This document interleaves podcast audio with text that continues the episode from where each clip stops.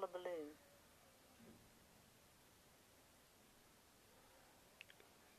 Remembering Sushant Singh Rajput through his movies. Annie Frank once said, Dead people receive more flowers than the living ones because regret is stronger than gratitude.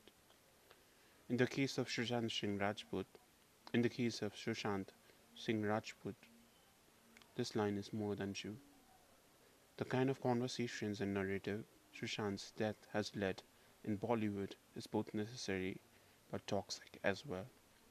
While conversations around the unfair privilege received by the star kids and the culture of groupism is necessary to talk about, but there are venomous actors who have used his death for their ulterior motives. In this hullabaloo, we have completely forgotten to acknowledge the accomplishments of Sushant and the legacy he has left through his movies. Here's a small video.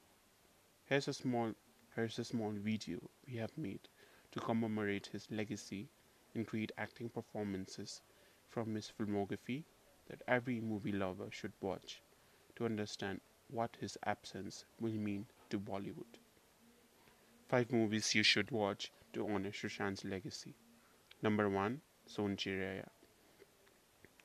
Released in 2019, Sonchiriya is a movie based in the 1970s India, directed by Abhishek, Abhishek Chaubey and featuring cast and featuring an ensemble cast of Manoj Bajpayee, Bhumi Pednekar, Ranvir Shorey.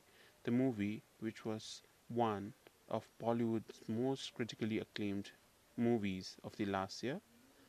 The movie, which was uh, one of the most acclaimed movie, uh, which was the movie, uh, which was one of Bollywood's most acclaimed uh, movie of last year, depicts the lives of records living in Chambal. While the movie is not for faint-hearted, but through this movie, Sushant proved that how much he was capable as an actor whether it be perfecting the Bundeli, Bundeli dialect or the mannerism, he inhabited, he inhabited, he inhabits the character, making his performance in Son the most memorable one in his filmography. Number two, Chhichhore, who thought that a film where Sushant was teaching about the importance of life to his son who tries to commit suicide Suicide would meet this tragic end. Directed by Nitesh Tiwari, the movie is bound to feel nostal- is bound to make people feel nostalgic about their college days, where their lives were different than what they have now. Though there's nothing much to talk about Sushant's acting performance as he did more difficult roles in the past, if you are in mood to watch a motivational slice of life movie, then you should definitely watch Chhichhore. Number 3. Detective Byomkesh Bakshi. One thing Sushant uh, did differently from his contemporaries was he rather wanted to be a character than play hero in the movies. And Detective Byomkesh is the living proof. Set in pre-independent India, the movie is directed by impeccable and supremely underrated director Dibakar Banerjee, who brings a well-known tale of Bengali Detective Byomkesh Bakshi, on whom many novel, on whom many novels, stories, and even television shows have been made on. This is probably Sushant's most uh, underrated role as he's perfect in every scene. Number 4. MS Dhoni, The Untold Story.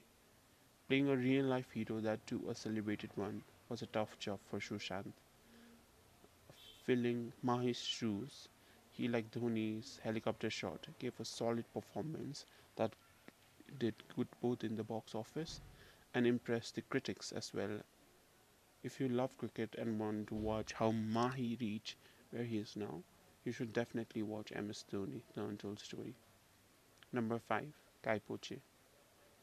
With his debut movie only, Sushant had proved that he was supposed to have a long inning in the Hindi film industry directed by Abhishek Kapoor, Sushant, along with Raj and Amit, gave a movie which celebrated friendship, love, as well as reflected how politics and religious fundamentalism. Religious fundamentalism. Fundamentalism. Fundamentalism can affect the bond between humans. Sushant's earnest portrayal of Ishant is probably one of the best debut performances in recent times because he plays the role with an ease.